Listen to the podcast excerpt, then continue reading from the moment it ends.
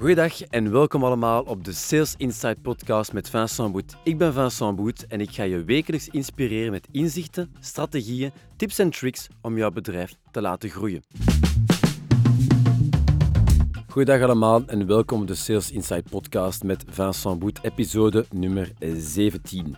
En vandaag gaan we het hebben over een onderdeel dat zich richt vooral tot de ondernemers, sales managers die vandaag ook luisteren.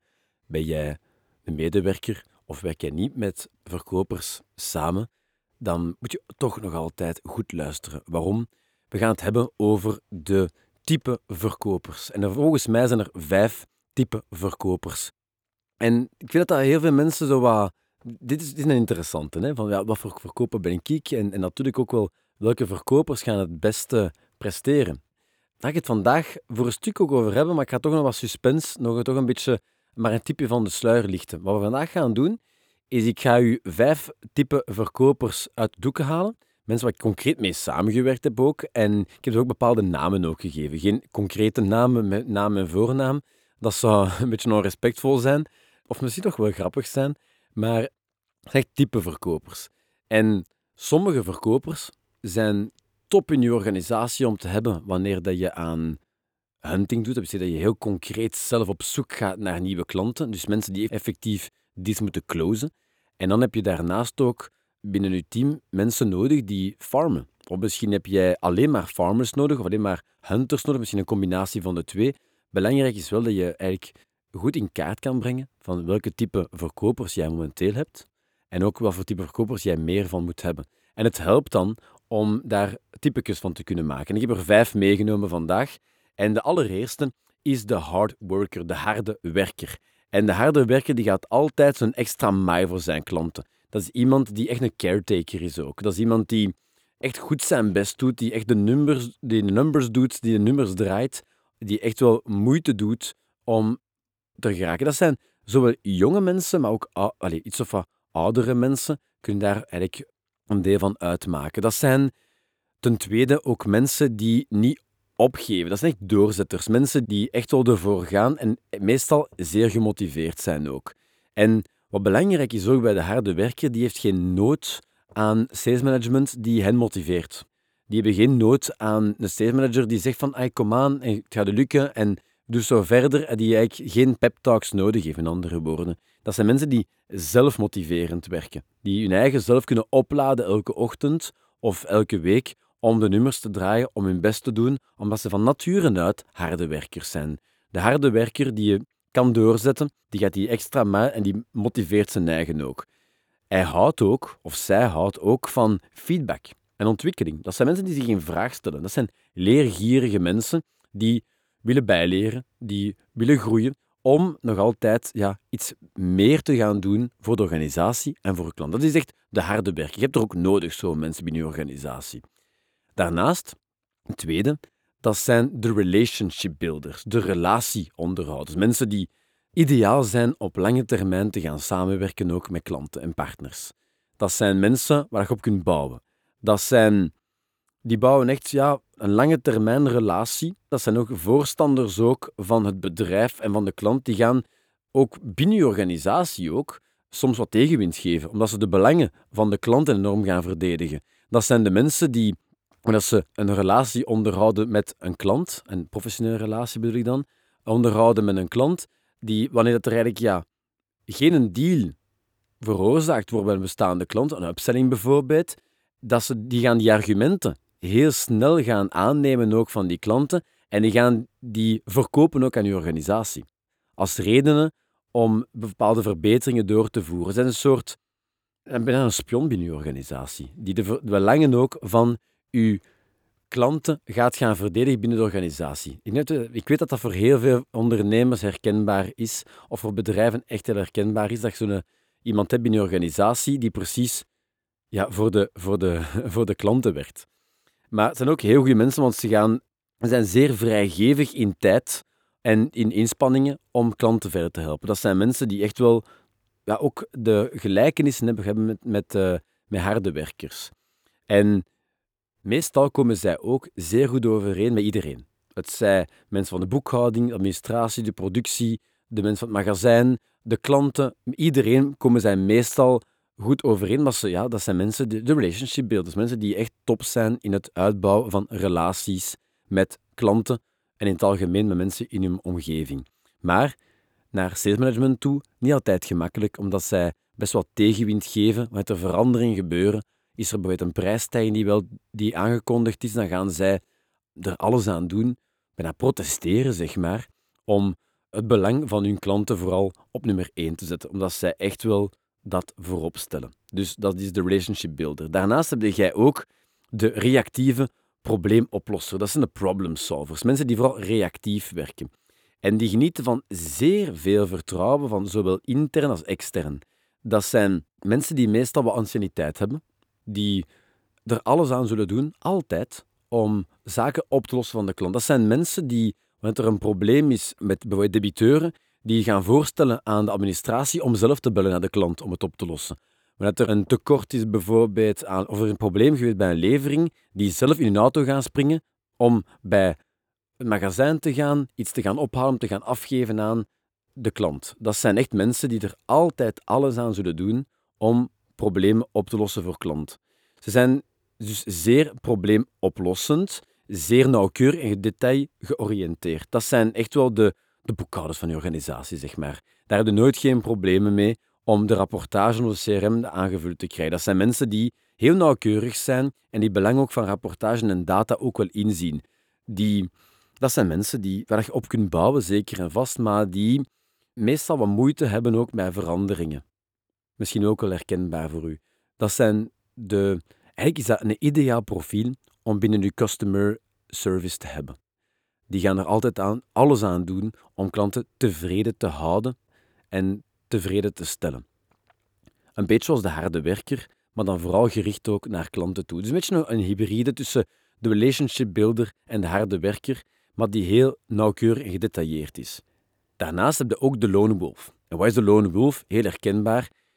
Als uh, sales manager heb je ze nodig, want dat zijn mensen die cijfers halen, dat zijn mensen die zeer goed zijn in hun job, zeer goede verkopers meestal, maar die echt, echt altijd er alles aan zullen doen om hun eigen wil te gaan doen. Die nooit de CRM aanvullen. Ook al ga je ze verplichten of vragen om het te doen, die er eigenlijk vierkant hun schoenen aanvegen.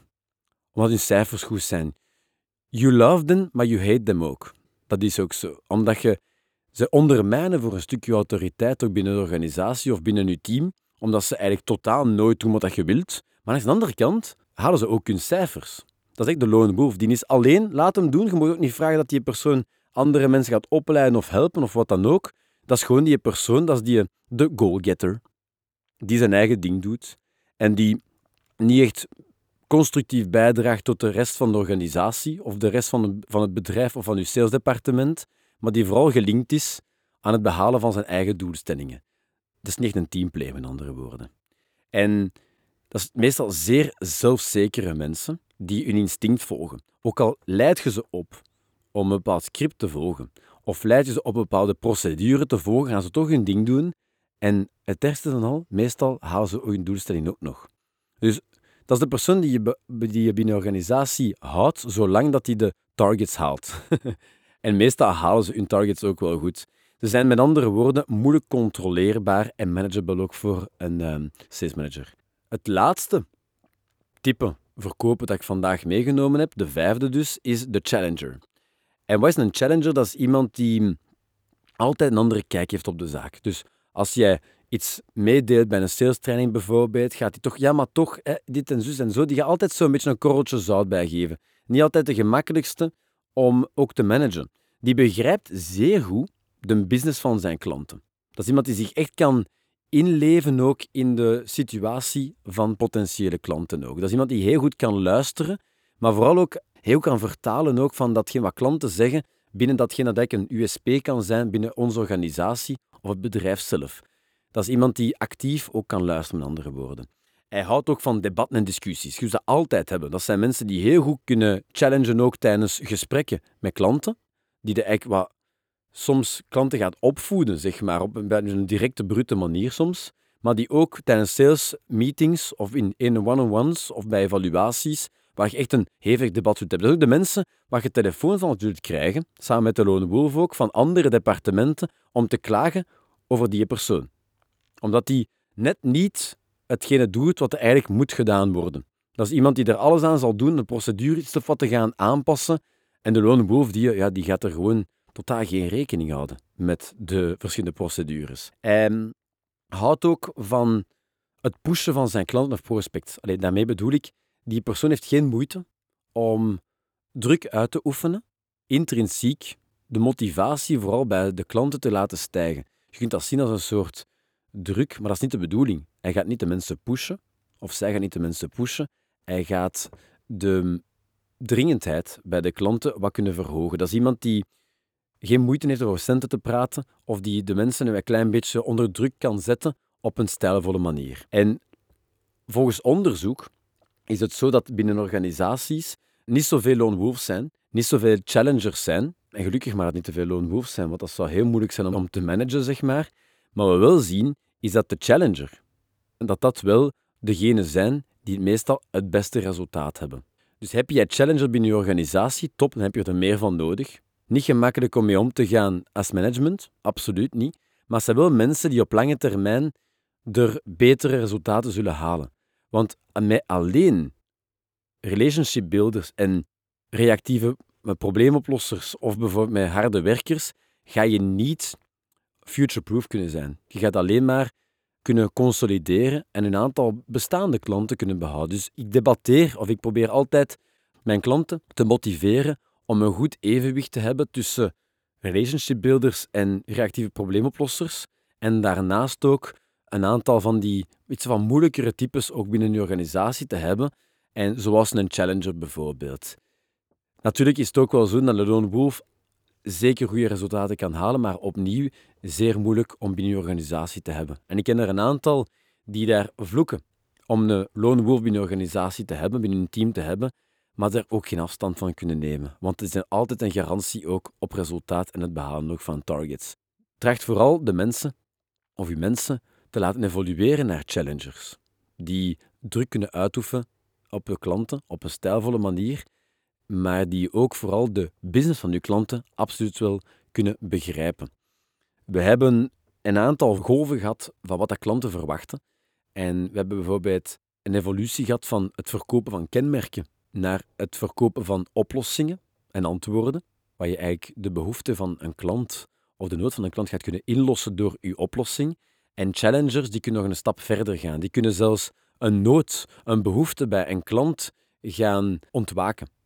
Door hun kennis en door het feit dat ze de business van de klant zo goed kennen, van de prospect zo goed kennen, kunnen zij zelfs de klant overtuigen dat zij een nood hebben.